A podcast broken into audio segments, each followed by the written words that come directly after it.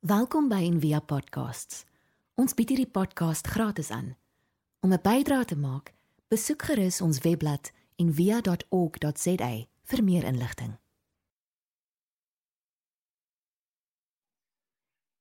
Dit is um so lekker dat ons vanaand hierdie tydjie kan saam wees en dan ag James, dit is so lekker om vir jou weer te sien. En um ja, dankie vir jou tyd. So ek het gedink ons hardloop nou so teen tyd wanneer die president begin ook agter weer te praat. So ons wil die maksimum maksimum uit James hê vanaand. En ons het hom gevra om te praat oor angs um, en veral tienerangs ook.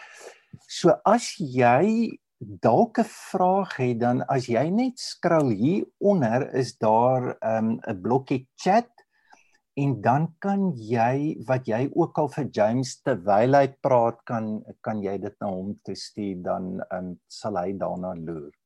So James baie dankie oor na jou. Vertel ons eers hoe gaan dit met jou en wat het daar by jou in die spreekkamer met COVID gebeur? Jou uh eerstens uh vriende en Theo baie dankie. Dis 'n uh, regte voorreg om weer met julle te wees. Ehm um, ek het nou baie keer vir mense gesê ehm um, as ek by in Via gekom het dan dan het ek ervaar wat julle voorstaan en dit is om ehm um, stilte te ervaar en en en ook die gees te ervaar wat deur die liturgie veral werk.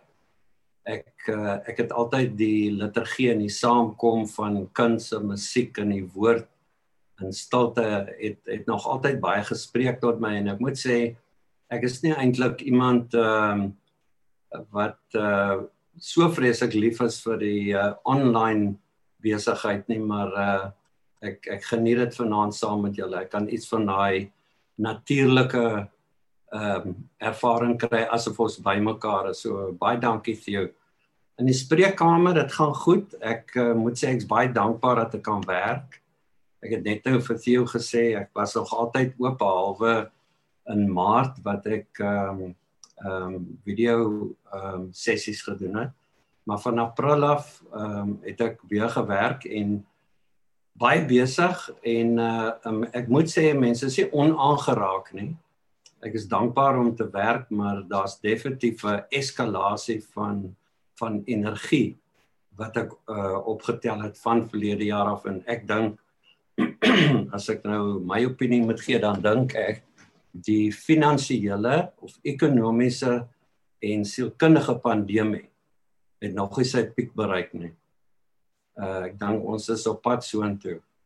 Ehm um, en dit uh dit uh, sien ek baie maar dis my regtig 'n voorreg om deel te wees van mense se ervarings en uh geleentheid te gee vir mense en ook vir myself om om sin te probeer maak van al hierdie dinge. ek is gevra om ehm um, ietsie te sê oor uh angs veral. Nou is dit sodat angs en depressie eintlik maar in die meeste gevalle saamval en daarom is ek uh bly dat daar uh, ook uh, vanaand 'n uh, gedig was uh, van Antjie Krog oor depressie want as jou as jou depressie intens raak en jy angs val saam met die depressie dis wanneer 'n mens bang raak vir jouself en ehm um, so onderliggend aan die angs is daar dikwels ook depressie, maar kom ons praat dan spesifiek oor angs. En as 'n mens uh angs en uh COVID-19 of die pandemie bymekaar sit, dan uh wil ek net dit dadelik sê dat ek dink nie ek is die enigste een wat sê dat die pandemie of die inperking, eintlik die inperking dat dit angs veroorsaak nie. Maar dat dit ehm um, amper soos 'n noute is waarin jy inbeweeg en dan word bestaande onderliggende ehm um, trauma wat jy in jou lewe ervaar het of kwessies word op die spits gedryf en afgesneller of afgetrigger. en ehm um, daarom is dit so moeilik om om altyd sin te maak hiervan want skielik sien mense en ervaar hulle dat hulle baie meer geïrriteerd is, hulle is prikkelbaar, Uh daar's baie navorsing wat wys dat ehm um, mense se slaap word uh versteur. Dit is baie interessant dat tydens inperkings en ook ehm um, het ek dit gesien van verlede jaar af is daar ehm um, al hoe meer mense wat droom. Nou dis nie dis nie vreemd nie want as jy droom as jy in die onderbewussyn en as jy in die onderbewussyn is dan is jy by daai plek waar al jou onderdrukte ervarings goed en sleg uh of onaangenaam gestoor is en skielik word dit afgetrigger. Ehm um, daar's mense wat agterkom, hulle kan nie lekker konsentreer nie. Jou geheue is nie lekker nie, raak vergeetagtig oor die korttermyn uh dingetjies wat jy moet onthou. Uh mense raak in gedagte. Ehm um, en so hierdie simptome wat ek nou genoem het van angs is nou die emosionele simptome maar of of uh, kognitiewe maar daar's definitief ook fisiese simptome mense wat ehm um, uh veral in die borskas in die maag ervaar hulle ehm um, uh angs of of spanning of uh styfheid van die spiere ehm um, mense wat selfs uh, paniek en angsaanvalle kry na eindig hulle op by die dokter en hulle dink is die hart maar dit is nie die hart nie dis aan angs en paniekaanvalle. Ehm um, eintlik kan angs verskriklik baie siektes naboots die simptome waarvan 'n hartaanval seker een van die bekendstes is.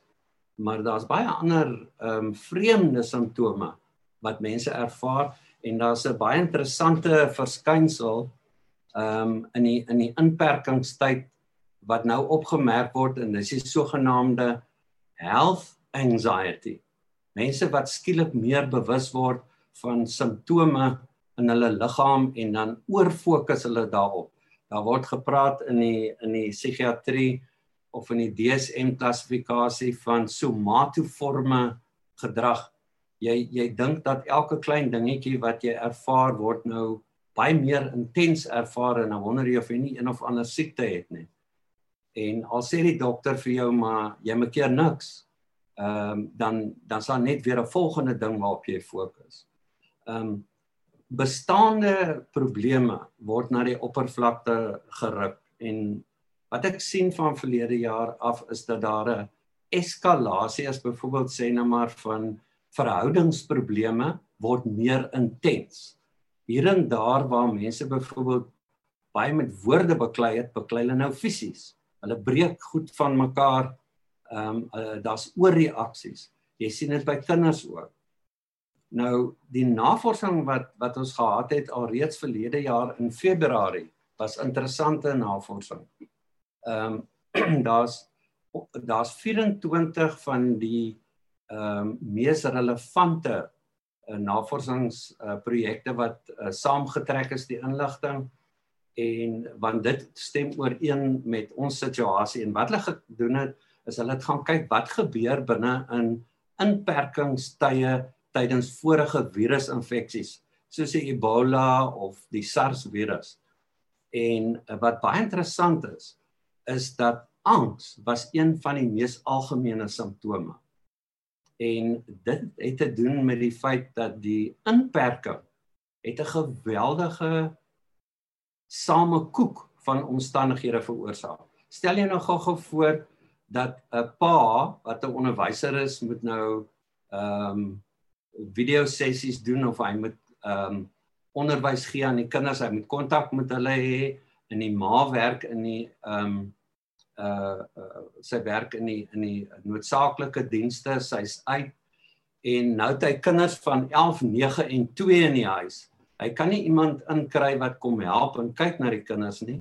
So hy moet nou klas gee en hy moet na drie kinders kyk. Hy moet onderwysers speel vir sy eie kinders en hy moet 'n 2-jarige kind besig hou. So omstandighede maak dat mense skielik in 'n klein ruimte met baie meer dinge moet deel as in hulle gewone uh, gang van die lewe. Ek dink nie ons kan vir ons voorstel wat in elke huis gebeur weens ons eie uh, omstandighede nie. Maar hierdie inperking maak dat jy meer in jou kop is. Dis daai ding lê vanaand in jou bed lê en nou hardloop die hamstertjie. Jy kan nie slaap jy dink en, en nou praat ons nie eers van die finansiële druk nie. Ons praat nie van mense wat bekommerd is oor familie of 'n ouer wat in 'n in 'n in 'n siekeboeg is, in vryheidskeer is en wat nie besoek kan word nie. Ehm uh, mense wat hulle besighede verloor, so skielik is jy ingeperk, jy verloor jou vryheid, jy's magteloos. En nou moet jy nog daar wees vir jou kinders. Kinders neem dan die angstigheid van die ouers oor. Ehm um, 'n baie interessante ding byvoorbeeld is hoe dit dan fisies manifesteer hierdie angs. Ehm um, ek kan nou vinnig as ek nou uh ek kan nou bewuslik kan ek nou onthou ek het al 3 kinders gesien van van 11, 12 en 6 of 7 jaar oud dink ek wat weer begin bednat maak. Ek het twee volwassenes, een van 52 en een van 39 gesien wat weer bednat maak. Ehm um, en ehm um, dit is waar jou angs dan gaan manifesteer in jou liggaam. Nou is die inperking die oorsaak? Nee, is nie die oorsaak nie. Dis net omdat jy skielik is jy baie meer ingeperk in 'n wêreltjie wat kleiner word. Jou vryheid word weggeneem. Jy kan nie uit en die afleiding kry van ander take soos voorheen nie. Ehm um, jy word ingeperk en dan begin jy dink. En dan ontwikkel 'n mens as gevolg van die angs 'n tomorrow, jy gaan in tomorrow mode. Ons ken daai gevoel, né? Wat as? Sê nou maar angs is ten diepste die die ehm um, neiging om die ergste te verwag in situasies. Dis angs. Jy wil die toekoms verander. Maar jy wil ook die verlede verander. Amper soos Dawid wat gesê het van sy seun Absalom, ag Absalom my seun, as ek maar in jou plek kon sterf. Jy begin jy begin ehm um, besluite wat jy in die verlede geneem het, begin jy bevraagteken jy begin jou toekoms bevraagteken. Hoekom? Want daar's onsekerheid. Ons weet nie wat gaan gebeur vorentoe nie. Mense het nie geweet hoe lank gaan die inperking duur nie. Hulle het nie geweet wat met hulle werk gaan gebeur nie. Nou nog is daar mense wat afgedank word, wat pakkette kry of wat hulle hoor daar word gepraat van nog laer uh, salarisse. Jong mense in die kunste wat uh ek bedoel die kunste word net ongelooflik getref. Hulle is magteloos en skielik moet hulle iets anders doen, maar hulle hulle het nie almal opleiding om iets anders te doen nie. Jy's regtig magteloos en dan raak jy angstig. Angs is die neiging om die ergste te verwag in situasies. Nou wat interessant was in die studies het hulle gevind net om die erns daarvan uh, te beklemtoon Ehm um, in een van die groot studies het hulle gevind dat na die inperking en net interessant hulle inperkingstye in die ondersoeke was 9 dae en langer. Kan jy jou verbeel? Ons was oor die 100. Ehm um, het hulle gevind 28% van kinders is gediagnoseer met uh posttraumatiese stressindroom. Nou praat ons van 'n sindroom waarmee die soldate na Vietnam gediagnoseer is. Dis dieselfde erns. Ehm um, en dan uh by volwassenes het dit uitgekom amper 'n derde van volwassenes ly na die tyd aan akute stressindroom. Nou as daai stresfaktore vir langer as 6 weke aanhou min of meer, dan praat jy ook van posttraumatiese stres. Mense raak hypersensitief Ehm um, dan is daar nou nog talle ander mense wat op die spektrum lê van ernstigheid. Een van die ehm um, ehm um, wat ek net wil wil iets wil sê en ek uh miskien kan julle terwyl julle luister kan jou onderbewussyn vir jou 'n uh, bietjie uh, insig gee in jou eie situasie as ek die volgende verduidelik. Hoe vind angs plaas. Behalwe nou as jy kafeïne te veel gebruik of te veel alkohol, uh, dan kan jy ook angstig raak die volgende dag of byvoorbeeld ehm um, uh skildklierprobleme, ander gesondheidsprobleme. Natuurlik kan dit ook angs veroorsaak. Maar angs begin waar jy in 'n traumatiese situasie in jou verlede iets onverwags en buitengewoon ervaar het. Onverwags en buitengewoon. Nou skrik jy. Jou liggaam reageer. 'n Gedagte flits deur jou kop en jy vorm 'n persepsie. En nou is dit die natuurlike neiging van die brein, jy wil nie weer so voel nie. En nou wil jy keer dat jy weer so voel. Nou vorm jy persepsies oor wat hier gebeur het. En nou wil jy dit in die toekoms voorkom dat jy weer in so 'n situasie beland. Maar dis 'n dis eintlik 'n paradoks want hoe beplan jy vir die onvoorsiene en die buitengewone? Nou vorm jy 'n persepsie oor iets en as daar nou iets gebeur wat korreleer met hierdie situasie of jy dieselfde gevoel ervaar, dan sê jy sien jy daar gebeur dit weer. Nou begin mense 'n negatiewe uh houding kry oor die toekoms. Hulle verwag die ergste. Intussen tyd kan jy nie vir die onvoorsiene en die buitengewone beplan nie. So wat doen jy nou? Jy dink iets uit wat 'n probleem is en dan kry jy 'n oplossing daarvoor. Maar ook dit is 'n probleem. Want hoe kan jy al die moontlike uh scenario's in die toekoms voorsien? Jy kan nie. So nou raak jy angstig omdat jy angstig is, want jy kan nie al die antwoorde kry nie. En daaruit vloei natuurlik nou vir um manifestasies van angs wat jy kry by mense ook nou uh, sien ek hier en daar meer um obsessief kompulsiewe gedrag. Um ten opsigte van jou finansies en van situasies by die huis eintlik onbenullige goed. Jy raak nog meer perfeksionisties. So wat nou gebeur is in 'n inperkingstyd dan word al hierdie bestaande probleme van die verlede wat jy eintlik goed kon hanteer tot nou toe word nou op die spits gedryf. Ehm um, die uh persone wat al ehm um, voorheen gehoor het wat by my benaderinge sal verstaan as ek sê dat jou geboorte speel 'n baie groot rol. Dit was my baie interessant in die in die van verlede jaar af het dit amper half 'n uh, rotine geraak by my. As ek iemand sien wat geweldige aan angs en paniekaanvalle kry, dan vra ek gewoonlik as dit 'n kind is, vra ek vir die ehm um, soos die ehm um, kinders wat byvoorbeeld bednat maak sal ek vra vir die uh, ouers of die ma uh, vertel my van die kind se geboorte en daar was 'n traumatiese geboorte gewees. Wat beteken ook ervarings wat jy gehad het wat moeilik was wat jy nie eens kan onthou nie, bewuslik nie. Dit speel ook 'n rol, maar dit is die tipiese allergeniese model.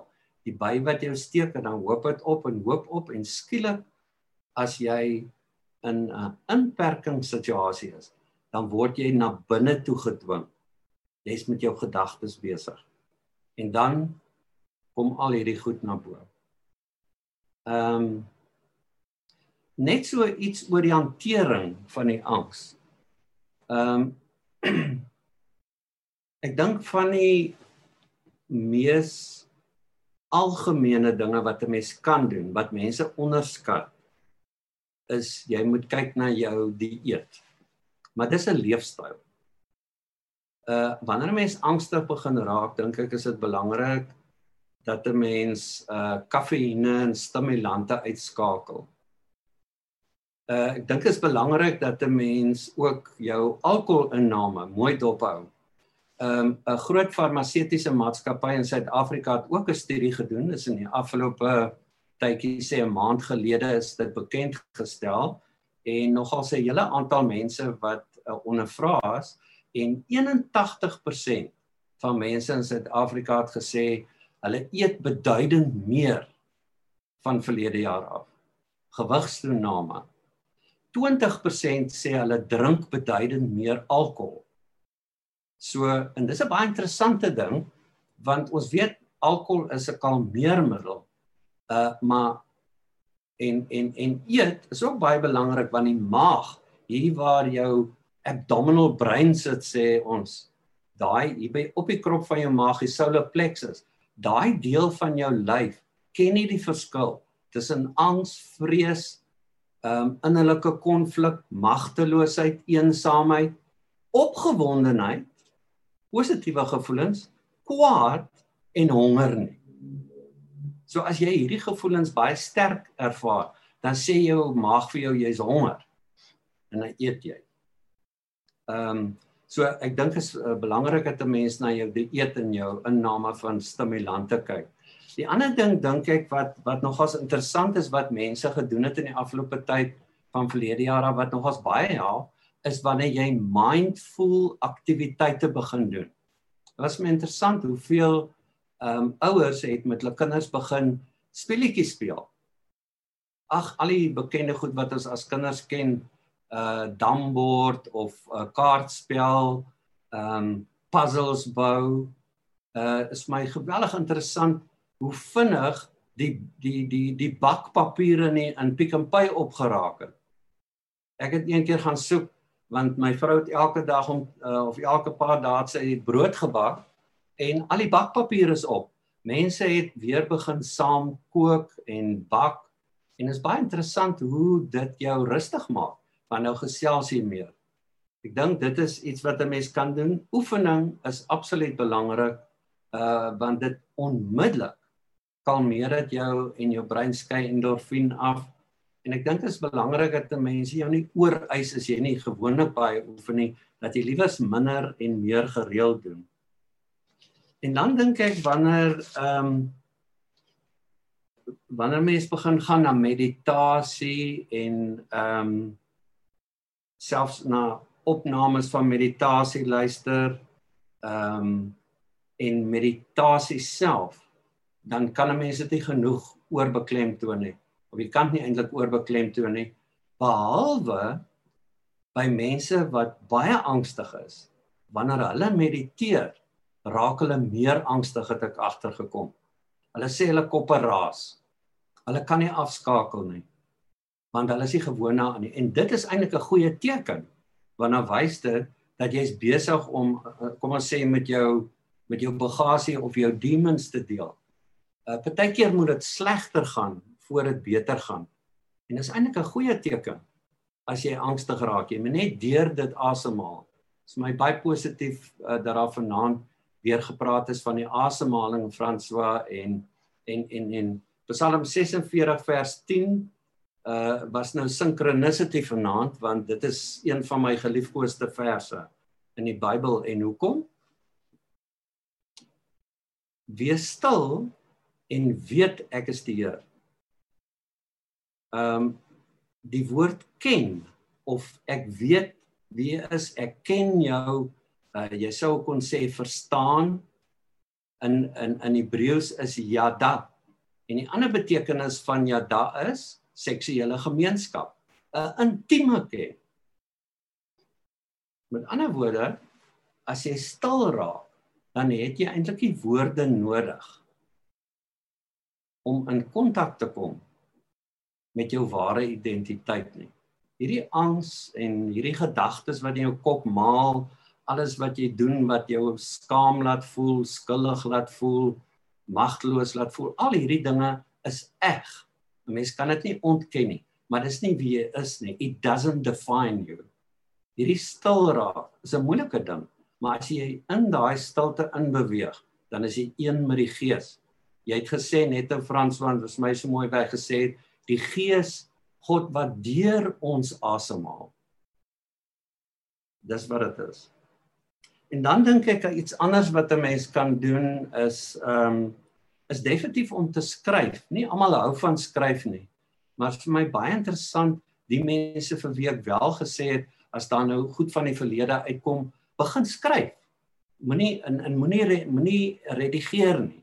Jy tik net op die rekenaar en jy edit, jy kan later edit as jy wil, maar jy skryf net en soos wat jy tik, uh, kom daar herinneringe terug wat jy vir lank weggebeer het, maar dit is 'n stuk selfontdekking en dit is 'n stuk ontlading.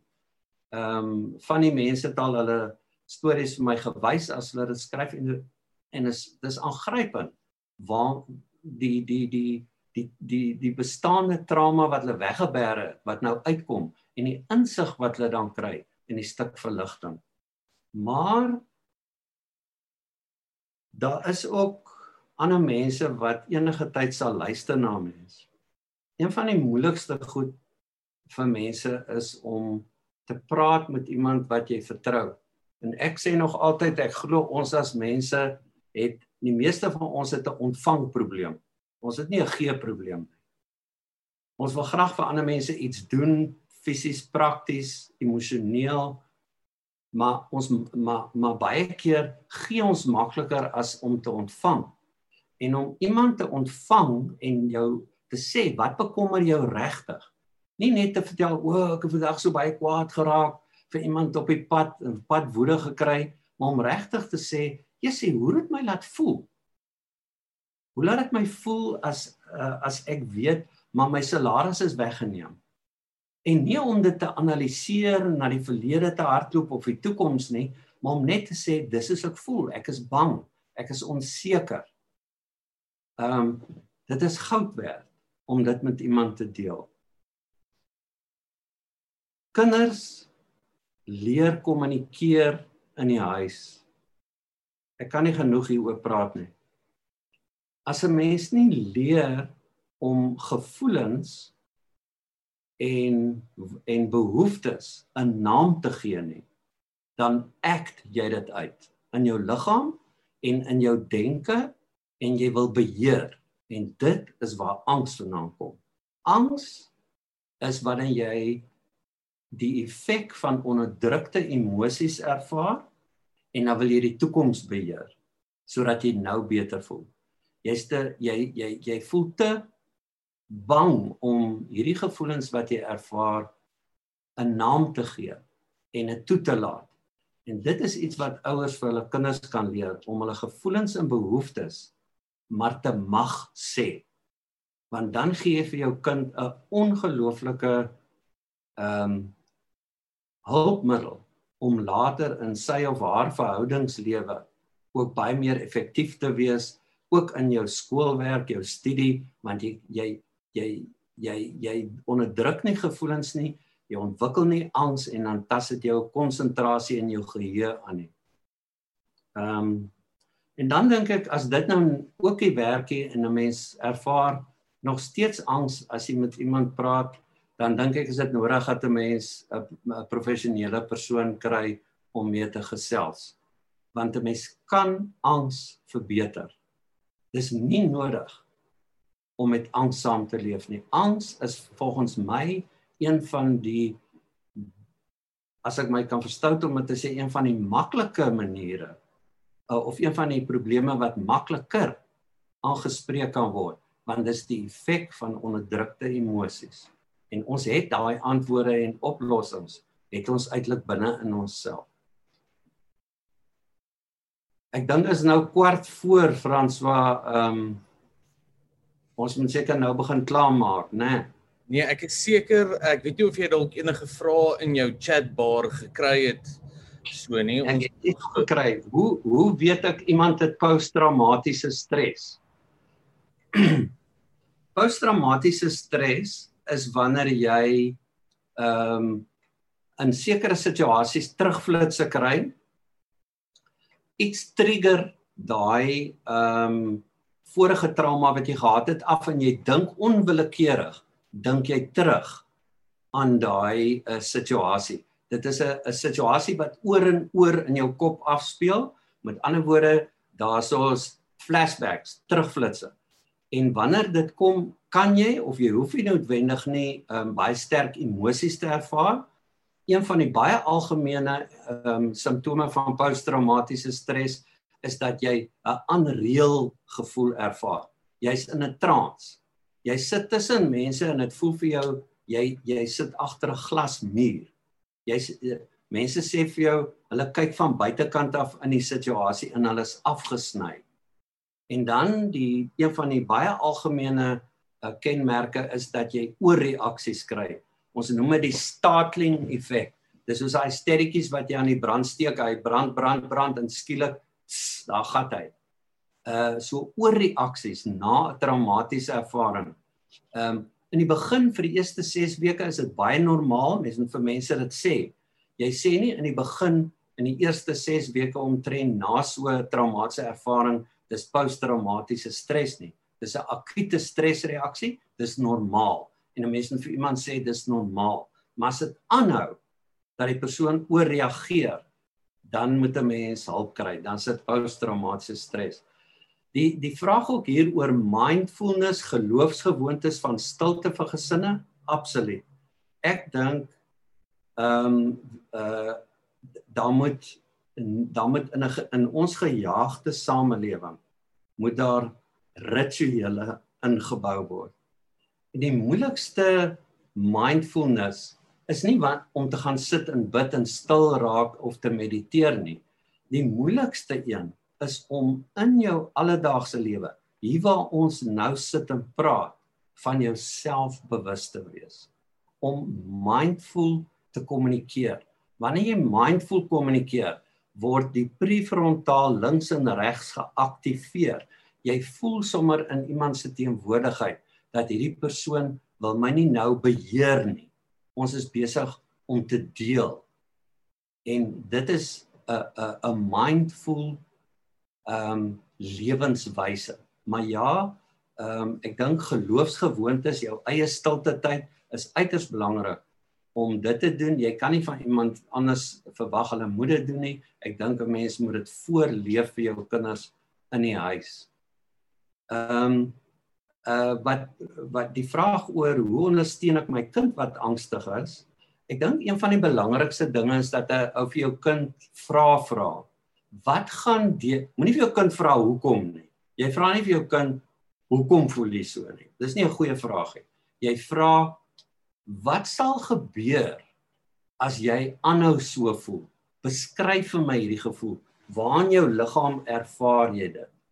En as daai kind dan vir jou sê maar ek voel dit by my maag, dan sê vir jou kind, "Oké, okay, sit jou hand daar." En dan sien jy in jou verbeelding hoe jy deur 'n opening daar by jou maag net in en uitasem. Dis al wat jy doen. Jy asem in en jy asem uit. En dan sien jy hoe al en voel hoe daai spiere hier by jou maag al meer los en slap en ontspanne raak. En dan voel jy hoe al daai seer of daai styfheid by daai opening uitverdwyn as jy uitasem. Dis die tipe goed wat jy doen. Die ander ding is ek ehm um, ek gaan so 'n bietjie opstaan as ek dit wys. Dis goud werd as jy jou regter hand vat en sit hom onder jou arm. Jy kan dit nou doen as jy wil. Dan sit jy jou regter arm hand onder jou arm en dan sit jy jou linkerarm bo oor as asof jy vir jouself 'n hak gee. En al wat jy doen is jy fokus op jou asemhaling en jy voel hoe jy onder uit jou maag uit asemhaal. En dan voel jy fokus jy op hierdie gevoel wat jy ervaar as jy jou eie hande om jou slaan. En ek hoef seker nie te vra wat gebeur nie, né? Jy's veilig. Jy's hier. Dan sê jy vir jou kind, "Hoe voel jy? Hoe voel dit? Voel dit lekker?" Ja. Ek voel veilig. Dan sê jy, "Oké, okay, hier hier waar jy jouself vashou, jy gee jouself 'n hak. Jy's. Okay. Jy's oukei." Okay. Hierdie oefening is baie beter as jou kind angstig is want as jy jou kind self vashou en jou kind is iemand wat vasgehou wil word, skitterend. Maar as jou kind nie uh, angstig is en, en hy of sy hou nie daarvan nie, dan sê jy vir hulle hulle moet dit doen. En dan dink ek uh, ander goed wat help, ag, jy gee vir jou kind chamomile tee, jy laat met jou kind praat en sê net maar uh, dan of hoe oud die kind ook is, uh, as jou kind meer nabyheid soek in die aand en wil hê moet slaap by jou kind, dan doen jy dit. Jy gaan nie jy gaan nie uh, sit 'n liggie aan en een van die wonderlike dinge wat werk soos 'n bom as jy jong kinders het en die kinders is bang vir die donker en vir allerlei monsters in die nag, hulle is dis angs. Al wat jy doen, dit werk in die meeste gevalle, nie almal nie, maar dit is my ongelooflik.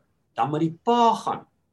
Vir al die pa moet dan na daai kindjie toe gaan en sê luister jy, maar jy moet ernstig wees as jy dit sê.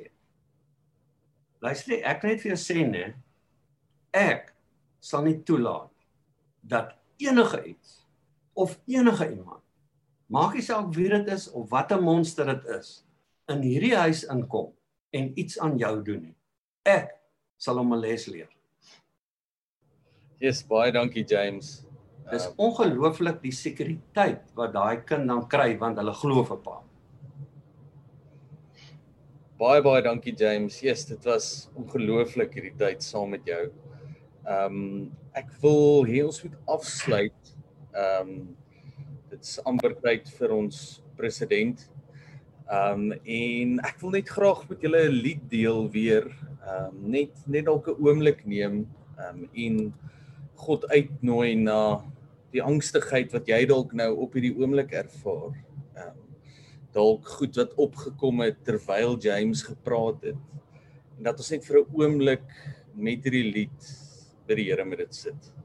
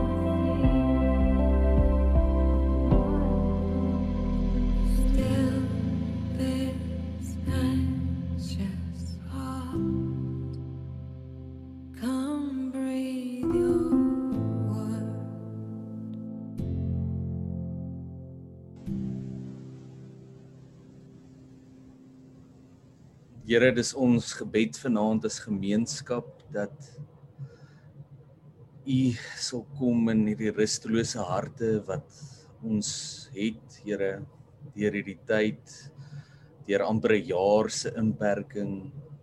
Ag Here, dat U net ons binne in dit sal kom ontmoet. Here, ons dink terug ook aan tye hierdie afgelope tyd waar U ons wel ontmoet het en ons sê dankie. Here, wees met ons ja, kom kom skyn u lig in ons harte. Ons bid dit in u naam. Amen. Ons wil vir julle almal sê baie dankie vir die saamwees. Dit was regtig baie lekker saam. As daar van julle is wat met James wil kontak maak, dan kan julle net van Nel kontak. Ehm um, sy sal julle in verbinding met sy sekretaresse sit. En dan James, verskriklik dankie vir jou. Dit is altyd so lekker om na jou te luister en jou wonderlike gawe wat jy het om dit vlees te maak en huis toe te bring. So dankie vir dit en baie sterkte vir jou vir al die ure en ure wat jy spandeer aan mense. Ehm um, jy het 'n wonderlike gawe en ons bid regtig vir jou dat die Here dit um, sal seën en mag jy krag en wysheid um, ook kry en ek hoop dat ons kan wees saam met jou kuier. Baie dankie. Dankie ook aan julle almal.